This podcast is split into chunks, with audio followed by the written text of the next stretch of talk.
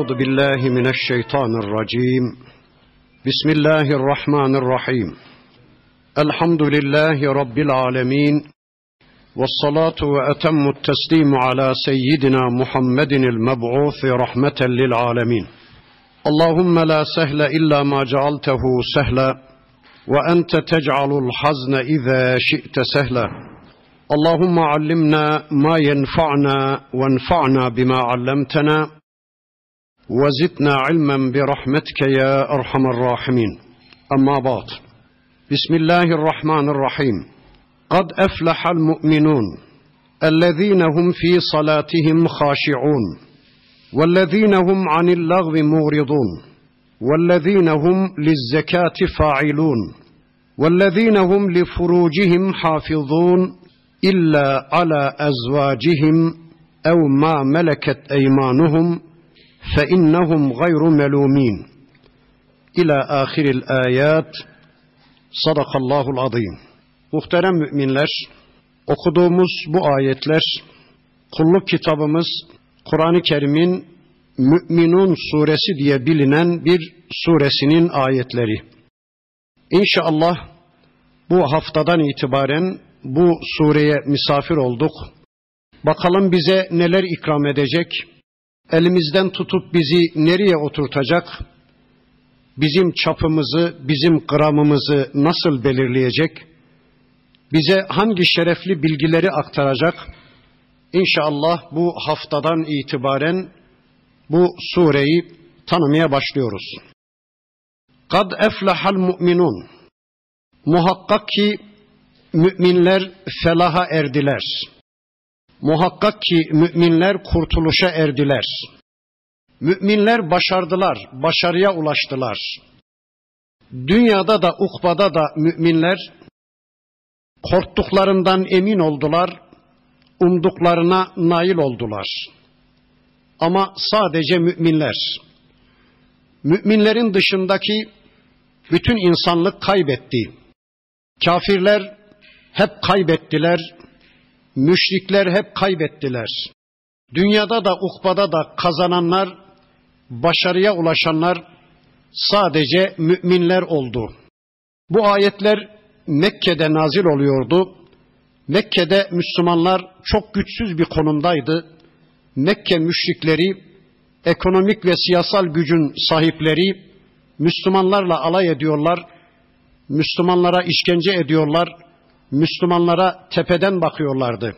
Bakın öyle bir atmosferde gelen surenin ilk ayetiyle Rabbimiz Mekke müşriklerine bir tehdit, Mekke'de bir avuç Müslümana da bir destek oluşturuyordu. Ey Mekkeliler! Boşuna gururlanıp kibirlenmeyin. Dünyada da ukbada da kazanan bizleriz diye boşuna sevinip durmayın. Kazanmanın zenginlikle hiçbir ilgisi yoktur kurtuluşun servet sahibi olmakla hiçbir ilgisi alakası yoktur. Kurtulanlar müminlerdir. Kurtuluşun imanla ilgisi vardır. Sadece müminler kazandı. Sadece müminler kurtuldu. Peki o müminlerin dünyada da ukbada da kurtuluşa eren o müminlerin ne tür özellikleri varmış? Yani sadece ben inandım, ben müminim demek yeter miymiş? Bakın bundan sonra bir açılım geliyor. O kurtulan müminlerin dünyada da ukbada da başarıya ulaşan, dünyada izzetli ve şerefli bir hayata, ahirette de Allah'ın rıda ve rıdvanına, cennetine ulaşan müminlerin özellikleri, sıfatları bakın şunlarmış. اَلَّذ۪ينَ هُمْ ف۪ي صَلَاتِهِمْ خَاشِعُونَ O müminlerin birinci özellikleri, onlar namazlarında huşu sahibidirler. Namazlarını haşyetle eda eder onlar. Haşyet, huşu korkmak demektir ama yılandan, çıyandan, akrepten korkmaya benzemez. Bir kişinin babasından korkmasıyla anasından korkması farklıdır. Bir kişi anasından niçin korkar? Acaba rızasını alamadım mı? Acaba anamın hatırını kazanamadım mı? Acaba anamı incittim mi diye korkar değil mi? İşte bir mümin de yılandan, çıyandan, akrepten korkarmış gibi korkmaz da Allah'tan, Çünkü Allah böylesine korkulacak bir varlık değil. Acaba Rabbimin rızasını kazanamadım mı? Acaba Rabbimin hatırını elde edemedim mi? Acaba şu kıldığım namaz Rabbime layık olmadı mı? Acaba namazda aldığım mesajı namaz sonrası hayatımda uygulayabilecek miyim, uygulamayacak mıyım? İşte Müslümanlar namazlarında böyle bir haşyet içindedirler, böyle bir korku içindedirler. Onlar namazda kimin huzurunda durduklarının bilincindedirler. Onlar Allah huzurunda boyunları bükülmüş, sesleri kısılmış, sağa sola bakmazlar, yukarıya aşağıya bakmazlar, konuşmazlar, yemezler, içmezler. Allah huzurunda olmanın bilinci içinde rükûa varırlar, bel kırarlar, boyun bükerler. Allah huzurunda ukalalık etmezler. Allah'a akıl vermeye, Allah'a yol göstermeye çalışmazlar. Sonra secdeye varırlar onlar. Ayaklarının altındaki ezdikleri en adi, en alçak gözüyle baktıkları topraklara en şerefli uzuvları olan alınlarını ve burunlarını sürterler. Böylece şunu söylerler. Ey Allah'ım sen benim Rabbimsin. Sen benim sahibim ve malikimsin. Senin huzurunda ben bir hiçim ya Rabbi. İşte en şerefli uzvumu, en şerefli burnumu ve alnımı senin huzurunda ayağımın altında ezdiğim en adi, en alçak gözüyle baktığım topraklara sürtüyorum. Senin karşında hiçliğimi, sıfırlığımı itiraf ediyorum. Sen Rab'sın, sen sahipsin, sen maliksin ya Rabbi diye onlar secdelere kapanırlar. Bir de onlar namazda okudukları surelerin manaları ve muhtevaları üzerine yoğunlaşırlar. Namazda ne dediklerinin ne okuduklarının bilincindedir onlar. İşte namazdaki huşuyu bir de böyle anlıyoruz. Hani Kur'an-ı Kerim'de bir başka ayeti kerimesinde Rabbimiz şöyle buyuruyordu. Ya eyyühellezine amenu la takrabus salate ve entum sukara hatta ta'lemu mimma tekulun. Ey iman edenler! Ne söylediğinizi, ne dediğinizi, ne okuduğunuzu anlayamayacak kadar sarhoş iseniz, şuurunuz, aklınız yerinde değilse namaza yaklaşmayın. Allahu Ekber. Anladınız mı? Ey müminler! Ne okuduğunuzu, ne söylediğinizi bilemeyecek kadar aklınız başınızda değil, şuurunuz yerinde değilse namaza yaklaşmayın. Allah için namazlarınızı bir düşünün. Bir kısım sureler okuyorsunuz. Acaba ne diyorsunuz o anda? Diliniz Arapça olmadığı için, diliniz Türkçe olduğu için belki de sarhoşça bir namaz kılıyorsunuz. Ne dediğinizin, ne söylediğinizin, hangi taahhüdün altına imza attığınızın, Allah'tan ne tür mesajlar aldığınızın, Allah'a nasıl tekmiller verdiğinizin farkında olmadan bir namaz kılıyorsanız o namaz huşulu bir namaz değildir. Allah'ın istediği bir namaz değildir. Evet o müminler okudukları ayetlerin muhtevası üzerinde düşünürler. O ayetleri namaz sonrası hayatlarında yaşamak üzere Allah'a söz verirler Bir taraftan namaz öncesi hayatlarının tekmilini verirken, raporunu verirlerken Allah'a bir taraftan namaz sonrası hayatlarını düzenlemek üzere Allah'tan mesaj alırlar. İşte onlar namazlarında huşu sahibidirler. O cennetlik müminlerin ikinci özelliklerini de bakın Rabbimiz şöylece anlatıyor. وَالَّذ۪ينَ هُمْ عَنِ اللّٰغْوِ مُغْرِضُونَ bir de onlar boş şeylerden yüz çevirirler. Boş sözlerden ve boş işlerden, boş amellerden yüz çevirirler. Bakın İslam amellere iki damga vurur. Salih amel, gayru salih amel. Salih amel, sahih ve salih bir imandan kaynaklanan ameldir. Gayru salih amel de sahih ve salih olmayan bir imandan kaynaklanan ameldir. Yine nihai noktada Kur'an-ı Kerim amellere üç damga vurur. Sahibini cennete götürücü olan ameller, sahibini cehenneme götürücü olan ameller, bir de sahibini cennete de cehenneme de götürücü olmayan ameller yani boş ameller. Bir Müslüman kendisini cennete götürücü amellerin peşinde olur, kendisini cehenneme götürücü amellerden uzak durur, cennete de cehenneme de götürücü olmayan, yani mizanda ağırlığı, mezarda genişliği olmayan, mizanda ağırlık, mezarda da genişlik sağlamayan, boş sözlerin, boş amellerin peşine hiçbir zaman düşmez bir Müslüman. Ama burada şu tespitte bulunalım. Boşu ve doluyu Kur'an ve sünnet belirler. Yani hangi amel, ameller boştur, hangi ameller değersizdir, hangi ameller Allah katında değerlidir, bunu belirleme yetkisi Allah'ın kitabı ve Peygamber aleyhisselamın sünnetine aittir. Bir Müslüman sürekli Kur'an'la birlikteliğini sürdürürse, bir Müslüman sürekli Peygamber aleyhisselamın hadisleriyle irtibatını sürtürürse, o zaman o Müslüman neyin boş, neyin dolu olduğunu öğrenme imkanına sahip olacaktır. Öyleyse sürekli kitapla birlikte olalım, sürekli Peygamber aleyhisselamın sünnetiyle birlikte olalım da boş şeylerden yüz çevirelim. Bakın şu anda ben konuşuyorum. Benim ağzımdan çıkan her bir harf, her bir hece, her bir kelime, her bir cümle sağımdaki solumdaki melekler tarafından yazılmaktadır. Öyleyse sabahtan akşama kadar neleri konuşuyoruz? Allah için onları bir düşünelim. Ağızlarımızı hangi sözleri söylemede kullanıyoruz? Allah için onu bir düşünelim. Bakın Kur'an-ı Kerim'de bir başka ayeti kerimesinde bu konuyu anlatırken Rabbimiz şöyle buyuruyordu.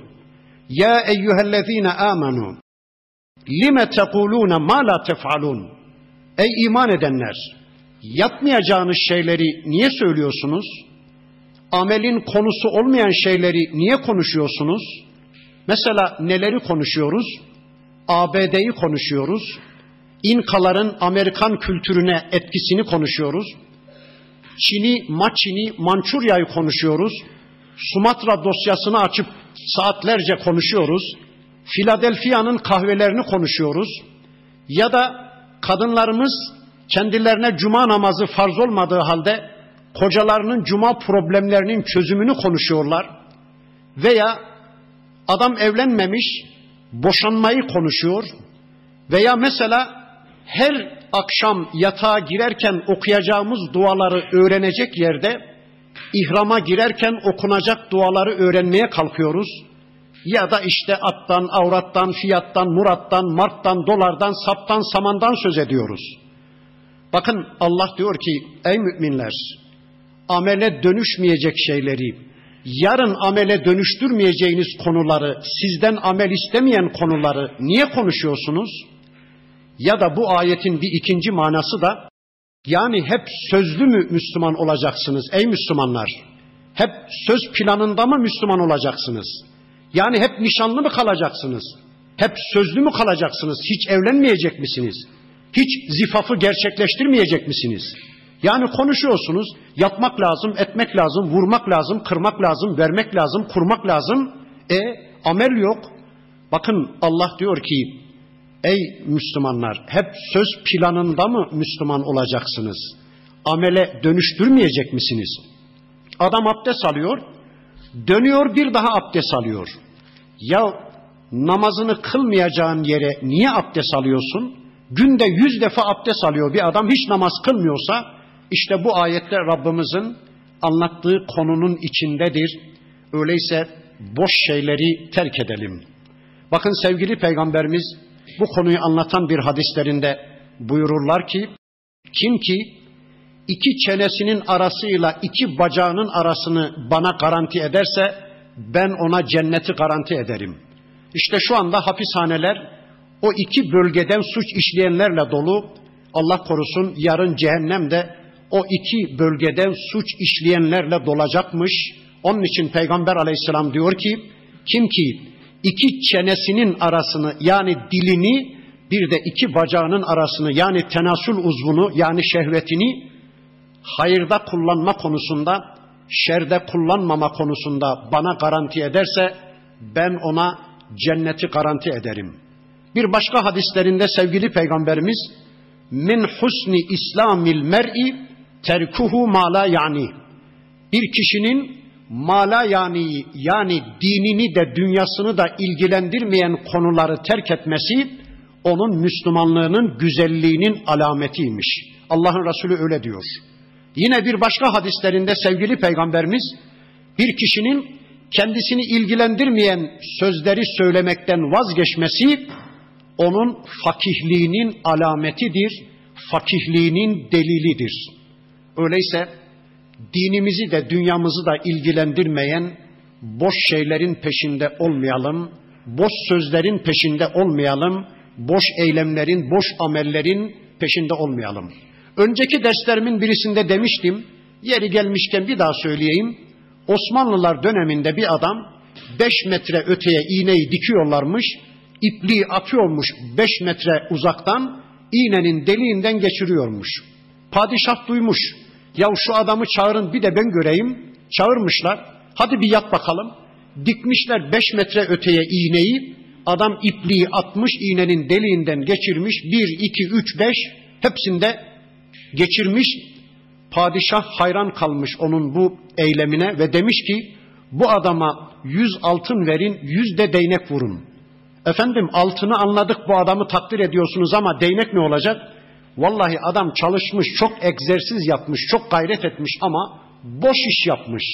Yani ne olacak? Üç metreden geçirse ne olacak? On metreden iğnenin deliğinden ipliği geçirse ne olacak? Geçirmese ne olacak? Boş iş yapmış. Mesela adam arabasının renginde takı ördürmeye çalışıyor hanımına. Olmadı, renk tutmadı diye bozduruyor. Bir daha, bir daha, bir daha. Ya ne olacak arabanın renginde takke olsa ne olur, olmasa ne olur? Adam illa da oltu tesbihi olacak diye aylarca tesbihin peşine düşüyor. Ya tesbih tesbihtir. Oltu olmuş olmamış ne olacak? Ya da adam akvaryumun başında saatlerce zaman öldürüyor. Dizilerin başında, filmlerin başında ya da işte sporsal faaliyetlerin peşinde zaman öldürüyor. Öyle yapmayın. Bakın Allah diyor ki وَالَّذ۪ينَ هُمْ عَنِ اللَّغْوِ مُورِضُونَ O gerçek müminler, kazanan müminler, dinlerini de dünyalarını da ilgilendirmeyen boş şeylerden yüz çevirirler. وَالَّذ۪ينَ هُمْ لِزَّكَاتِ فَعِلُونَ Bir de onlar zekatı da icra ederler, zekatı da verirler. Zekatla iç içedir onlar. Zekattan uzak değiller. Yani mallarında Allah'ın söz sahibi olduğunu ortaya koymak üzere onlar zekatlarını verirler. eğer mala ilişkin söyleyecek olursak zekat aslında Arapçada tezkiye kökünden gelir. O da arınmak demektir. Yani o müminler zekatlarını vererek mallarını temizlerler, mallarını arındırırlar. Çünkü zekatı verilmemiş mallar necistir, pistir ama zekatı verilmiş mallar tertemizdir. Bir de onlar zekat vererek nefislerinin cimriliğini arındırırlar. Nefislerini vermeye alıştırırlar, cömertliğe alıştırırlar. Nefislerini arındırırlar, temizlerler. Bir de zekat vererek o müminler çevredeki insanların kendi mallarına kem bakışlarını temizlerler, arındırırlar. Bunu nasıl anlayacağız? Eğer bir Müslüman paylaşmadan yana değilse, infaktan yana değilse, malının zekatını vermiyorsa, çevresindekilerin kem gözleri onun malının üstündedir. Allah belasını versin. Allah telef versin. Allah iflas versin. Çünkü o bize zekat vermiyor, bize infakta bulunmuyor diye çevredeki Müslümanların kem bakışları onun malının üstündedir. Ama bir insan zekat vermeye başladı mı çevredeki insanların bakışı düzelir, arınır. Allah razı olsun. Allah daha çok versin. Allah bu kardeşimi daha çok zengin etsin. Çünkü o zekatını veriyor, bizi düşünüyor, bizimle paylaşmadan yana bir tavır alıyor diye çevredeki insanların onun malına bakışı da arınmış olur, tertemiz hale gelmiş olur. وَالَّذ۪ينَ هُمْ لِفُرُوجِهِمْ حَافِظُونَ Bir de onlar ferşlerini korurlar, ferşlerini yani edep yerlerini, avret mahallerini başkalarına göstermezler. Kendileri avret yerlerini başkalarından korudukları gibi başkalarının edep yerlerine de bakmaz onlar. Namuslarını, iffetlerini korur onlar. kendi namuslarına, iffetlerine sahip çıktıkları gibi hanımlarının, çocuklarının namuslarına, iffetlerine de sahip çıkar onlar. Avret yerlerini hiç kimseye göstermezler. Peki hiç mi istisnası yok? Yani bir Müslüman edep yerlerini, avret yerlerini herkesten mi saklayacak? Hayır, bunun sınırlarını belirleyen Allah, bakın bir istisna yapıyor. İlla ala ezvacihim, zevceleri, eşleri müstesna, ev ma meleket eymanuhum, bir de sağ ellerinin sahip olduğu cariyeleri bunun dışındadır. Fe innehum gayru melumin avret yerlerini eşlerine ve cariyelerine gösterme konusunda ya da eşlerinin ve cariyelerinin namuslarını kullanma konusunda o Müslümanlar kınanmazlar, asla kınanmazlar. Bakın burada cariye konusu üstünde uzunca konuşmak istemiyorum. Zaten cariye konusu gündeme geldi mi Müslümanlar tir tir titremeye başlıyorlar. Niye? E çünkü arkasından cihat da gündeme gelecek, savaş da gündeme gelecek ama biz yurtta sus, cihanda sus demişiz, savaşı bırakmışız. Onun için cariye konusu üzerinde konuşmaya da gerek yok. Ebu Zer Efendimiz der ki, karnı aç olup da kılıcı eline almayana şaşarım. Çünkü en helal mal ganimet malıdır. Savaştan elde edilen maldır. Karnı aç olup da kılıcı eline almayana şaşarım diyor Ebu Zer Efendimiz. Yine cariyeleri her tipte, her boyda, her güzellikte cariyeleri olmayıp da kılıcını eline almayan mümine şaşarım diyor. Vallahi işte biz böyle bir hayata gelip çatmışız. O tür nimetlerin tümünden mahrumuz. Onun için bu konuyu konuşmaya da gerek görmüyorum. Evet, o Müslümanlar edep yerlerini, avret yerlerini herkesten korurlar. Eşleri ve cariyeleri müstesna. O konuda onlar kınanmazlar. Hangi konuda kınanmazlar? Bir de bu ayeti şöyle anlayacağız. Eğer bir mümin dörde kadar evlenmiş, bin tane de cariye almışsa, bakın bu konuda kınanmazlar diyor Allah. Bir Müslümanın meşru hakkıdır bu. Dört tane hanımı var, farz edin ki bin tane de cariyesi var, mübalağa olsun diye söylüyorum. O Müslüman bu konuda asla kınanmaz diyor Allah. Ama biz kınarız değil mi? Yani o da mı yapmış bu işi? Demek o da ikinci evliliğe adım atmış ha? Vay hain diye biz kınar geçeriz değil mi? Ama bakın Allah diyor ki bu meşru hakları konusunda Müslümanlar kınanmazlar diyor. Allah böyle bir yasa koymuş. İşte ama femen ibtega vera zalike kim de bunun ötesine aşmaya kalkarsa yani dört tane hanımı var, şu kadar da cariyesi var iken yine de gayrimeşru bir ilişkiye uzanmışsa, nikah dışı bir ilişkiye yönelmişse, yani bir başka kadına yönelmişse, فَاُولَٰئِكَ humul adun işte böyleleri de haddi tecavüz etmiş, mütecavizdir, sınırı aşmış, anarşisttir. وَالَّذ۪ينَ هُمْ لِأَمَانَاتِهِمْ وَعَهْدِهِمْ رَاعُونَ Yine o müminlerin bir başka özellikleri de şöyleymiş. Onlar emanetlerine ve ahitlerine riayet ederler. Kendilerine verilen emanete ihanet etmezler. Mesela bir Müslüman bir Müslümana emanet bir tesbih mi vermiş? Onu ganimet bilip çarçur etmeye kalkmaz, emaneti sahibine tevdi eder. Bir Müslüman bir Müslümana emanet araba mı vermiş? Onu kelepir sayıp ya da ganimet bilip kırıp düğmez, çarçur etmez, götürür emaneti sahibine teslim eder. Bir Müslüman bir Müslümana emanet para mı vermiş? Ona ihanet etmez, emaneti sahibine tevdi eder. Bir böyle anlıyoruz. İnsan insan arası emanetler şeklinde anlıyoruz. Bir de Allah'ın kullarına verdiği emanetler var ya, o müminler o emanetlere de riayet ederlermiş. Nedir onlar? Mesela Allah bize emanet bir akıl mı verdi? Nerede kullanıyoruz o aklı? Emanetin sahibiyle istişare ediyor muyuz? Ya Rabbi bu aklı nerede kullanayım? A kare, B kare, C kare, kurbanın varsağı, Fujiyama yanardağı, Everest tepesinin yüksekliği, filan ülkenin nehirleri, o nehirlerin debileri, rejimleri, filan ülkenin dağları, filan ülkenin gölleri, filan ülkenin iklimi, filan ülkenin bitki örtüsü. Ya ne olacak bunlar? Sadece bunları öğrenmede kullanıyorsanız bu aklınızı ama biraz da Bakara'yı öğrenmede, biraz Ali İmran ve Nisa'yı tanımada, biraz Buhari ve Müslim öğrenmede kullanmıyorsanız o zaman siz Allah'ın emanetine ihanet ediyorsunuz demektir. Allah size emanet bir ağız mı verdi? Nerede kullanıyorsunuz o ağızlarınızı? Peynirin küflüsünü tespitte kullanıyorsunuz. Adam attı mı ağzına peyniri 12'den vuruyor değil mi? Tamam bu peynir yenir. Yak ya bunda hayır yok diyor. Balın estetiğini tespitte kullanıyorsunuz. Muzun tadını tuzunu tespitte kullanıyorsunuz. Ama biraz da çocuklarınıza Kur'an sünnet anlatmada kullanmıyorsanız, biraz da çevrenize ayet hadis anlatmada yani vahyin sözcülüğünde, kitabın ve sünnetin sözcülüğünde kullanmıyorsanız o zaman siz emanete ihanet ediyorsunuz demektir. Allah size emanet bir çocuk mu verdi?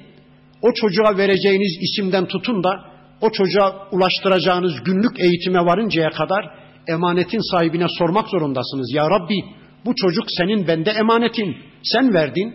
Bu çocuğa önce ne öğreteyim? Nereden başlayayım? Seni nasıl tanıtayım? Senin mülkiyetini, senin rububiyet ve uluhiyetini nasıl tanıtayım ya Rabbi diye emanetin sahibine sormak zorundasınız. Allah size emanet bir hanım mı verdi? Yataktan yatağa cinsel arzularınızı tatmin eden bir aygıt göreceğinize, onları insan görseniz, onları Kur'an'la sünnetle tanıştırsanız, onların cennet yollarını açıp cehennem yollarına barikatlar koysanız, evde birlikte dersler yapsanız, işte kış geliyor, bu sene baştan sona Buhari'yi okuyacağız hatun. Bu sene şu tefsir kitabını baştan sona okuyacağız diye bir ders başlatsanız, hanımlarınıza konuşurken yüzlerine baksanız, onları incitmeseniz, kırıp dökmeseniz, onları Allah'ın emaneti bilseniz, onları nikahla Allah tarafından emanet olarak size verildiğinin bilincinde onlarla bir ilişki içine girseniz olmaz mı? Değilse Allah korusun emanete ihanet ediyoruz demektir. Allah bize emanet bir kitap göndermiş. Nerede tuttunuz onu? Nerede kullandınız bugüne kadar? Nasıl bir diyalog kurdunuz kitabınızla? Allah size emanet bir peygamber göndermiş. Ne kadar sünnetini öğrendiniz? Kafanızda kaç tane peygamber hadisi var? Ne kadar peygamber uygulaması var? Allah'ın size gönderdiği o emanetleri çarçur etmeye, kelepir saymaya, Allah korusun onlara ihanet etmeye hakkınız yoktur. İşte bakın o müminler dünyada da ukbada da kazanan müminlerin bir özelliği de emanete riayet ederlermiş. Bir de ve ahdihim raun ahitlerine de riayet ederlermiş. Yani önce Allah'la yaptıkları sözleşmelere sadık davranırlar. Sonra insanlara verdikleri randevularına, sözlerine de sadık davranırlarmış onlar. Allah'a ne sözü verdik? Ezelde bir kere ya Rabbi sen bizim Rabbimizsin. Kalu bela dedik ya. Ya Rabbi sen bizim Rabbimizsin. Biz senden başka Rab bilmeyiz. Biz senden başka ilah bilmeyiz. Biz senden başkalarının yasalarını asla uygulamayız. Biz senden başkalarının önünde asla secde etmeyiz. Biz boyunlarımızdaki kulluk ipinin ucunu senden başkalarına asla vermeyeceğiz. Asla senden başkalarının çektiği yere gitmeyeceğiz diye ezelde Rabbimize bir söz vermiştik ya. İşte o müminler verdikleri o söze sadık davranırlar. Bir de Kur'an'da her bir bölümde Allah bizden misak alıyor bizimle anlaşma yapıyor. İşte onlara sadık davranmak zorundayız. Bir de insanlara verdiğimiz sözlerimize, randevularımıza, sözleşmelerimize riayet etmek zorundayız. Söz saat 8'de geleceğiz demişsek gelelim. Ay başında borcumu ödeyeceğim söz demişsek borcumuzu ödeyelim. Allah'a verdiğimiz sözü de insanlara verdiğimiz sözlerimizi de yerine getirelim. Önceki derslerimin birisinde söylemiştim. Yeri gelmişken bir daha söyleyeyim. Allah'a verdiği söze sadık kalmayan bir insan, insanlara verdiği söze sadık kalamaz. Allah'ın hukukuna riayet etmeyen bir insanın insanların hukukuna riayet etmesini beklemeyin. Onun için İranlı bir şair Sadi Şirazi der ki, namaz kılmayan bir insana boş para vermeyin. Çünkü namaz kılmayarak Allah'ın hukukunu çiğneyen o kişi sizin hukukunuza asla riayet etmeyecek, o borcunu ödemeyecektir. Öyleyse namaz kılmayan bir kişiye borç para vermeyin diyor Sadi Şirazi. Evet o müminler emanetlerine ve ahitlerine riayet ederler. Bir başka özellikleri وَالَّذ۪ينَ هُمْ عَلَى صَلَوَاتِهِمْ يُحَافِظُونَ Bir de onlar namazlarını muhafaza ederler. Bakın yukarıda onlar namazda huşu sahibidirler. Onlar namazlarını haşyet içinde eda ederler demişti Rabbimiz. Namazdan bir söz etmişti. Burada bakın namazdan ikinci defa bir daha söz ediyor. Onlar namazlarını muhafaza ederler. Böylece anlıyoruz ki namaz çok önemli bir ibadettir. Namaz mümini kafirden ayıran en baş özelliktir. Namaz müminin kimliğidir. Namaz müminin şahsiyetidir. Namaz müminin imanının dışa yansıyan bölümüdür. Namaz müminin imanının dışa sızan bölümüdür.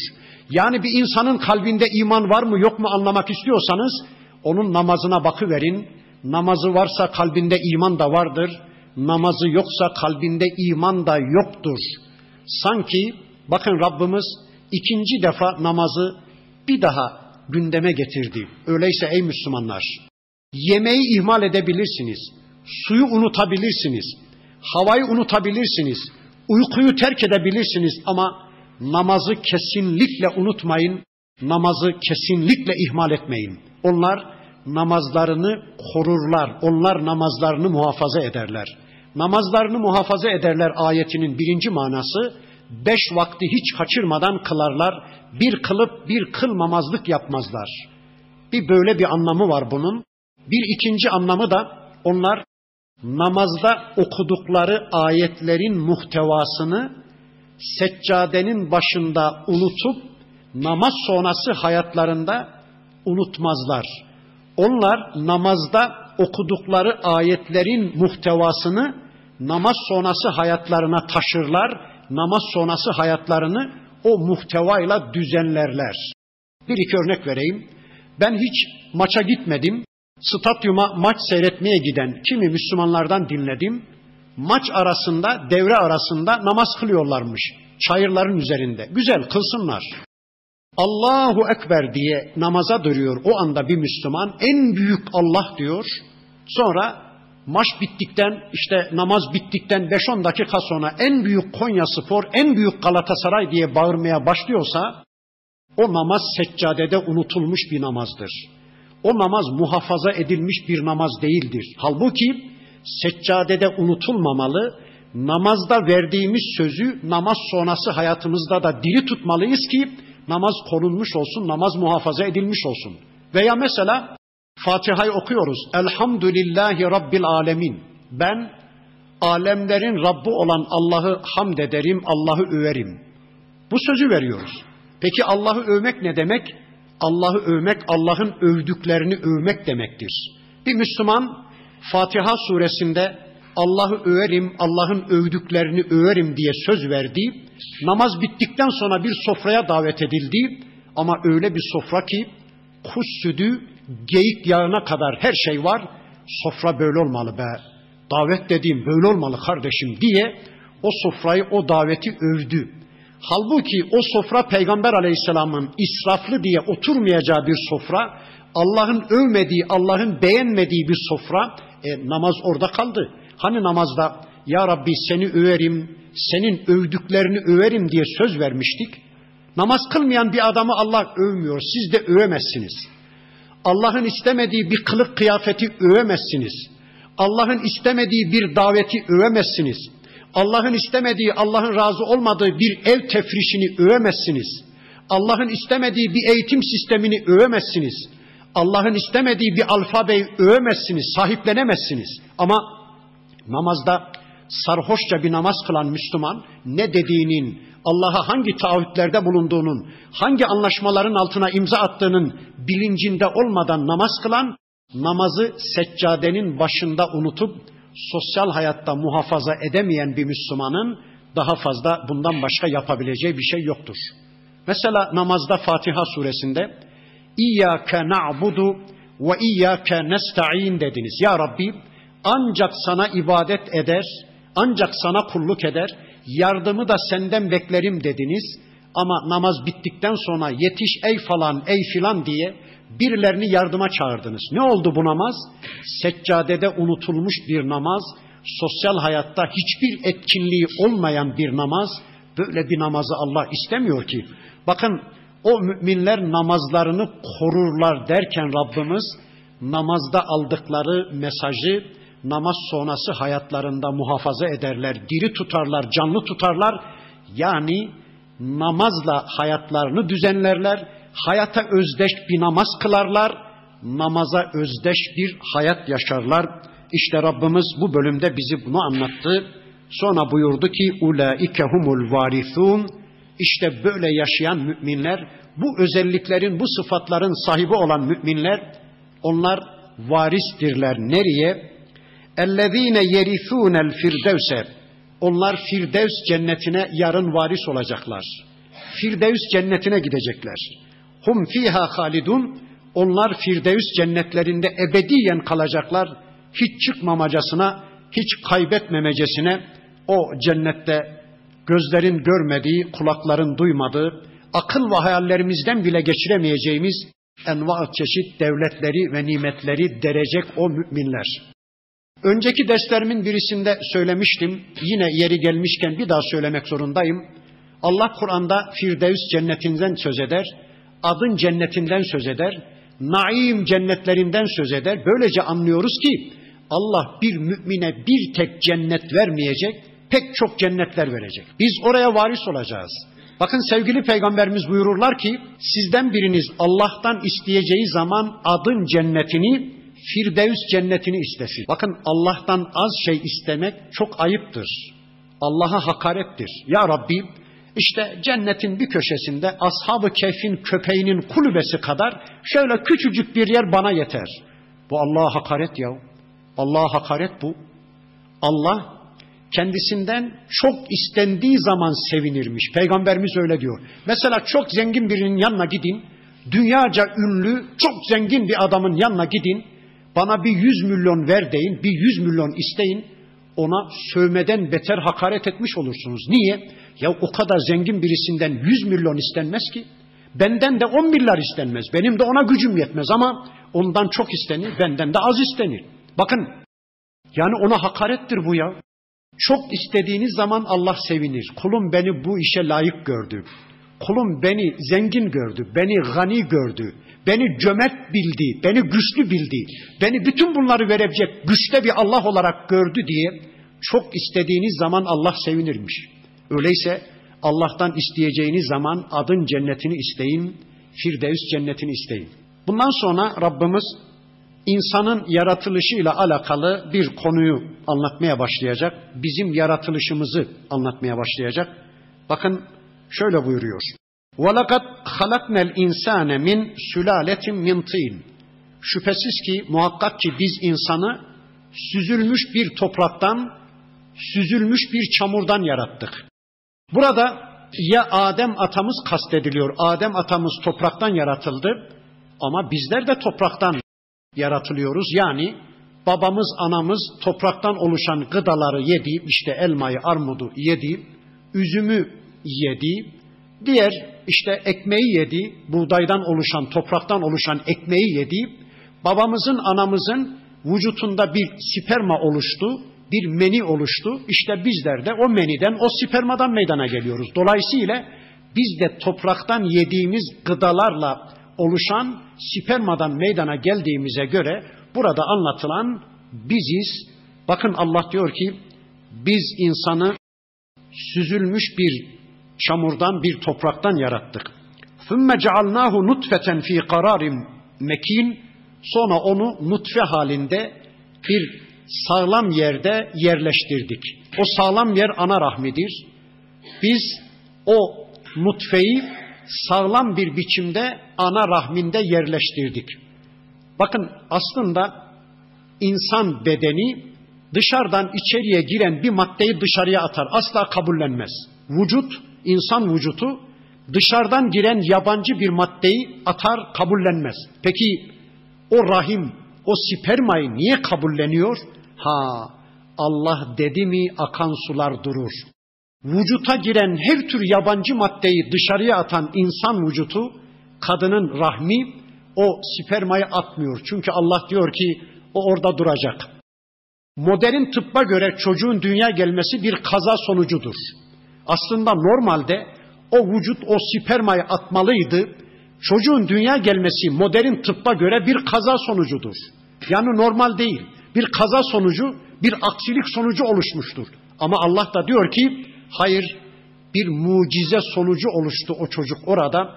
Rahim o spermayı benim emrimle tuttu. ثُمَّ خَلَقْنَا النُّطْفَةَ عَلَقَةً Sonra o spermayı bir kan pıhtısına çevirdik. فَخَلَقْنَا الْعَلَقَةَ مُضْغَةً Sonra o muzgayı yani kan pıhtısını bir çiğnemlik et parçasına dönüştürdük. فَخَلَقْنَا الْمُضْغَةَ عِظَامًا Sonra kemiklerini var ettik. فَكَسَوْنَا الْعِظَامَ لَحْمًا Kemiklerin üzerine de etlerini giydirdik. İşte şu anda bir insan oluşuyor. ثُمَّ اَنْشَأْنَاهُ خَلْقًا آخَرٍ Sonra onu farklı bir yaratık olarak inşa ettik. Müstakil bir insan olarak onu inşa ettik. Bakın burada şu anlatılıyor. Çocuk ana karnındayken kendi fonksiyonları durdurulmuştur. Mesela ciğeri çalışmaz. Ananın ciğeri çocuğun kanını temizler. Sanki ananın fonksiyonları çocuğun fonksiyonları yerine iş görmektedir. Ama çocuk dünya gelip de ilk nefesi almaya başladığı anda ciğerleri çalışır, kendi fonksiyonları otomatikman devreye girer ve artık o çocuk anadan ayrı, babadan ayrı, müstakil bir çocuk olmuştur. Ana karnındayken sanki anaya bitişikti, anayla aynıydı, ananın fonksiyonlarıyla besleniyor, ananın fonksiyonlarıyla varlığını sürdürüyordu. Ama doğduktan sonra ilk nefesini alır almaz artık o müstakil bir çocuktur, anadan ayrıdır, müstakil bir insandır. Bakın Allah diyor ki biz onu müstakil bir varlık olarak böylece inşa ettik. Fetebarakallahu ahsenul halikin. Yaratıcıların en güzeli olan Allah'ın şanı ne yücedir. Yaratıcıların en güzeli olan Allah ne mübarektir. Peki bunu nasıl anlayacağız?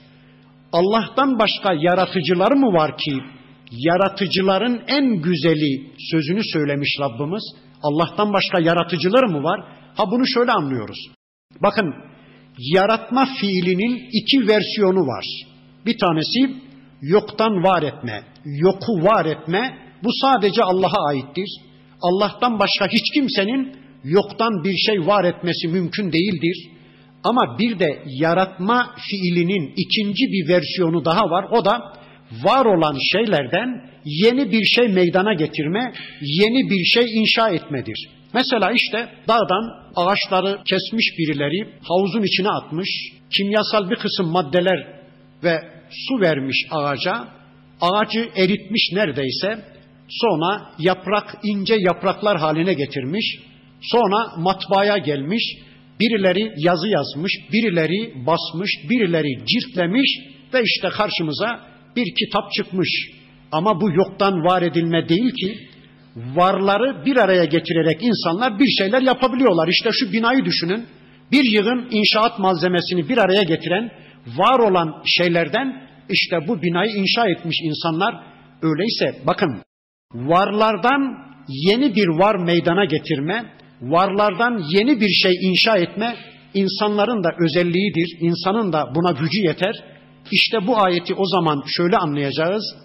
Var olan şeylerden yepyeni bir şey inşa edenlerin en hayırlısı olan Allah ne mübarek oldu değilse yaratıcıların en hayırlısı doğru değil, yoktan var edicilerin en hayırlısı sözü doğru değil. O zaman varlardan yeni bir var çıkaranların en hayırlısı, inşa edenlerin en hayırlısı olan Allah ne mübarektir şeklinde anlayacağız bu ayeti. Evet Allah bizim yaratır, yaratılışımızdan söz etti. Sonra da bakın buyurdu ki ثُمَّ اِنَّكُمْ بَعْدَ ذَٰلِكَ لَمَيِّتُونَ Bundan sonra siz öleceksiniz. Bakın bizi yaratan Allah, belli bir süre dünyada yaşatan Allah, sonra öldürecek olan yine Allah. Hayatımız konusunda Allah egemen, hayatımızı sürdürmemiz konusunda Allah egemen, mematımız konusunda da Allah söz sahibi. Allah diyor ki bakın sonra siz öleceksiniz. Peki aklımıza şöyle bir soru geliyor. Ya Rabbi e madem öldürecektin de niye yarattın? Öldürmek için mi yaratıyorsun bu şerefli insanı? İnsan gerçekten çok şerefli bir varlıktır. Ahseni takvim üzere yaratılmış bir varlıktır. Bakın karşınızda işte 73 kilogram ağırlığında bir et parçası, bir et yığını ben konuşuyorum, siz anlıyorsunuz. Gülüyorum, bakıyorum, hissediyorum, düşünüyorum. Yani ne muazzam bir şey. Yeryüzüne Allah başka hiçbir ayet indirmeseydi, insan Allah'ın varlığına en büyük delil ayet olarak yeterdi. Bakın insan öyle mükemmel bir varlık ama aklımıza şu soru geliyor. Hayrola ya Rabbi, öldürmek için mi yaratıyorsun insanı? Allah buyurur ki bundan sonraki ayeti kerimesinde hayır hayır yanlış anladınız. Ben sizi bir böcek gibi yok olmak üzere, ağaçtan yere düşen bir yaprak gibi çürümek, yok olmak üzere, tükenmek üzere öldürmüyorum. ثُمَّ innekum يَوْمَ الْقِيَامَةِ تُبْعَثُونَ Ben sizi kıyamet günü diriltmek üzere öldürüyorum. Ben sizi yeni bir hayata götürmek üzere öldürüyorum. Şu basit dünya hayatından gözlerin görmediği, kulakların duymadığı, enva çeşit devlet ve nimetlerin bulunduğu bir cennet hayatına, bir ödüle götürüyorum. Yani ben sizi yok olmak üzere, çürüyüp gitmek üzere öldürmüyorum ki, ben sizi diriltmek, yeni bir hayata götürmek üzere öldürüyorum. Elhamdülillah. Bu bizi rahatlatıyor. Değilse bir diriliş olmasaydı bu hayatın ne tazı olurdu ne de tuzu. Bakın şu anda kafirler öldükten sonra diriliş yok diyenler, hesap kitap yok diyenler, ahiret yok diyenler aslında kendilerini bir böcekle eş değerde tutan, bir yaprakla çürüyüp giden bir yaprakla eş değerde tutan zavallı insanlardır. Kafirler böyle. Halbuki müminler bu hayatın, bu ölümün bir son olmadığını, yeni bir hayata bir diriliş olduğunu bilir müminler. İşte bakın Rabbimiz bu ayeti kerimesinde bize bunu anlattı. Sonra çevremizden söz etmeye başlayacak. وَلَقَدْ خَلَقْنَا فَوْقَكُمْ seb'a taraika. Şüphesiz ki sizin üzerinizde yedi yol yarattık. Yedi sema yarattık. Birinci kat semayı az biraz biliyoruz. Şu ayın, güneşin, yıldızların bulunduğu sema, birinci kat sema, ikinci, üçüncü, dördüncü, beşinci, altıncı, yedinci kat semayı, onları da kuşatan kürsüyü, onları da kuşatan arşı bilmemiz mümkün değil. Sadece iman ediyoruz. Zaten bu ve benzeri ayetiyle Rabbimiz bize gücünü, kudretini tanıtıyor. Sonra diyor ki bakın وَمَا كُنَّا عَنِ الْخَلْقِ غَافِلِينَ Biz asla yaratıklarımızdan gafil değiliz. Yani şu varlıkları yaratma konusunda gafil olmadığımız gibi yarattığımız varlıkların ihtiyaçlarını temin etme konusunda da biz asla gafil değiliz. Yani şu anda hangi karıncanın hangi rızka ihtiyacı var? Hangi böceğin kanadında bir yaralanma var da şifaya ihtiyacı var? Hangi varlığın hangi programa ihtiyacı var onu Allah bilmektedir. Biz yaratıklarımızdan gafil değiliz. İşte bakın Allah bu bilgisinin gereği olarak buyurur ki ve enzelna mines semai maen bi kaderin biz gökyüzünden belli bir miktarda, belli bir ölçüde su indiriyoruz. Allah belli bir ölçüde indiriyor. Hangi bölgenin, hangi tarlanın, hangi iklimin ne kadar yağmura ihtiyacı var bunu bilen Allah'tır. Çokça gönderse yeryüzü sularla dolacak yaşayamayacağız. Az gönderse susuzluktan öleceğiz. Allah belli bir ölçüde gönderiyor. Feeskennahu fil ardı gönderdiğimiz o yağmur sularını yeryüzünde yerleştiriyoruz, depoluyoruz diyor Allah. Bakın yeryüzü yağmurların tümünü, suların tümünü merkeze doğru çekiverseydi, mama tabakasına doğru, yerin dibine doğru çekiverseydi, yeryüzünde bir damla su kalmasaydı kime gidecektik? Kim getirebilecekti bize iki damla suyu? Bakın Allah diyor ki onu biz yeryüzünde depoluyoruz. Ve inna ala zehabin bihi lekadirun ve onu gidermeye de biz kadiriz. Yok etmeye biz kadiriz. Yeryüzüne koyduğumuz yasayı kaldırıversek, yer üzerindeki suların tümünü merkezine doğru çekiverse, bizim yapabileceğimiz bir şey yok. Allah onu gidermeye de kadiriz diyor. فَاَنْشَأْنَا لَكُمْ bihi cennetin min نَخِيلٍ O indirdiğimiz yağmur sularıyla biz yeryüzünde hurma bahçeleri ve anabin üzüm bağları bahçeleri yetiştiriyoruz. Lekum fiha fevakihu kesiratun. Onlarda sizin için çok büyük meyveler var. Çok çok meyveler var. İşte elma diyorsunuz, armut diyorsunuz, portakal diyorsunuz.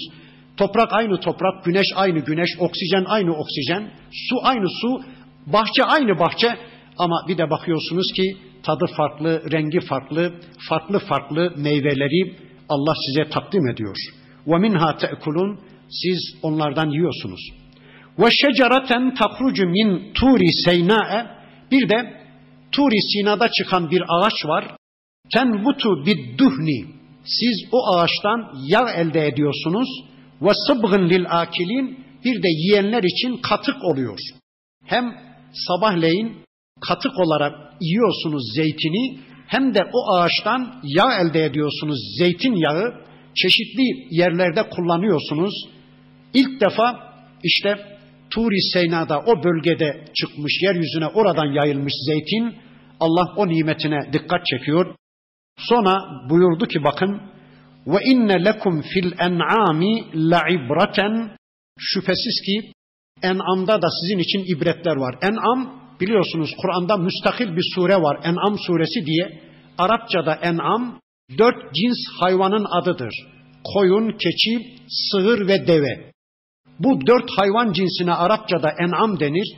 Bakın Allah diyor ki şu en'am hayvanlarda da sizin için ibretler var. Nusqikum mimma fi butuniha ben sizleri o hayvanların karınlarından suluyorum.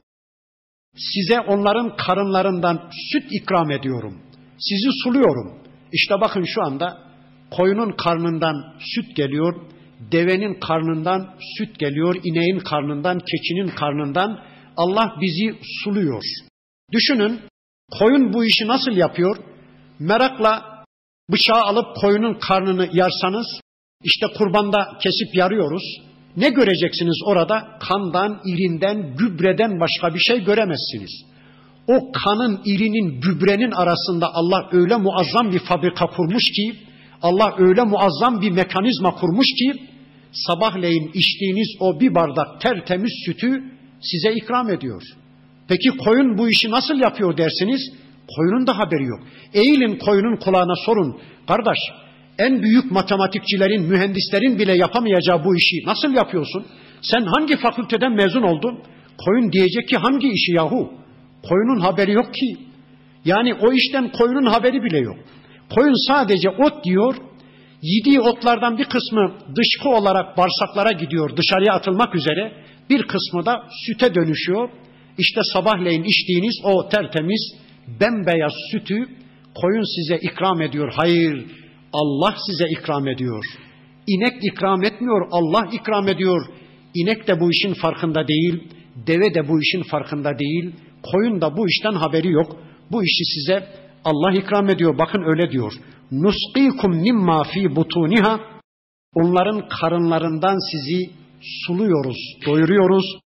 Ve lekum fiha menafi'u kesiratun bir de onlarda sizin için daha pek çok menfaatler var. İşte sütünden istifade ediyorsunuz, yününden istifade ediyorsunuz, derisinden istifade ediyorsunuz, kemiklerinden istifade ediyorsunuz. Hatta gübresinden işte avar ekiminde, dikiminde gübrelerinden bile istifade ediyorsunuz. O hayvanlarda sizin için çok büyük nimetler var. وَمِنْهَا تَأْكُلُونَ Bir de canınız çektiği zaman kesip onları yiyorsunuz. Allah Allah. O hayvanları Allah bize boyun büktürmüş. Eğer o hayvanları Allah bizim için zelul kılmasaydı, bizim emrimize amade kılıp boyun büktürmeseydi o hayvanlar bizim canımıza okurdu. Mesela deveyi kesebilir miydiniz? İneği kesebilir miydiniz? Onlar sizden çok daha fiziksel yönden güçlü canınıza okurdu ama Allah onlara demiş ki kullarım kestiği zaman boynunuzu bükün. Bitti. Onları bize amade kılan Allah bir de onların kanını dökmeyi bize helal kılan Allah izin vermeseydi, o hayvanları kesebilirsiniz, yiyebilirsiniz demeseydi, nitekim şu anda kimi hayvanlar haram, onları yiyemediğimiz gibi onları da yiyemeyecektik. İşte onları bizim emrimize amade kılan Rabbimizdir. Ve aleyha ve alel fulki tuhmelun bir de o hayvanlara ve denizlerin üstünde yüzüp giden gemilere biniyorsunuz, taşınıyorsunuz, yüklerinizi yüklüyorsunuz ve taşıyorsunuz. Bakın henüz motorlu araçlar çıkmadan önce eskiden işte o hayvanlar binit hayvanıydı, deveydi, merkepti, katırdı işte binit hayvanları. İnsanlar yüklerini onlara vururlar, insanlar onların sırtında taşınırlar. Hem kendilerini hem yüklerini nakil vasıtası olarak o hayvanları ve bir de gemileri kullanıyorlardı. Geminin tarihi de çok eski, hayvanlar kadar eski. Nuh Aleyhisselam döneminde insanlık gemiyle tanıştı. Gelecek hafta inşallah Rabbimiz Nuh Aleyhisselam'ın sergüzeşte hayatını anlatmaya başlayacak. O zaman gemiyle alakalı söz edeceğiz. Geminin suyun üstünde durma yasasını koyan da Allah'tır. Gemiye suyu üstündekileri kaldırma yasasını koyan Allah'tır. Rüzgarlara önündekileri sürükleme yasasını koyan Allah'tır. Yani şu gemilerin denizlerde kendiliğinden yüzüp gittiklerini sanmayın. O gemileri de sizin emrinize amade kılan Allah'tır. Öyleyse böyle bir Allah'a kul olun. Böyle bir Allah'ın kitabıyla birlikte olun. Böyle bir Allah'ın elçisinin sünnetini tanıyın. Böyle bir Allah'a saygılı davranın. Ve işte surenin başında anlatılan Peygamber aleyhisselamın da bir hadislerinde şu özelliği taşıyan insanlar kesin cennete gitti buyurduğu şu sayılan özellikleri inşallah üzerimizde taşıyalım.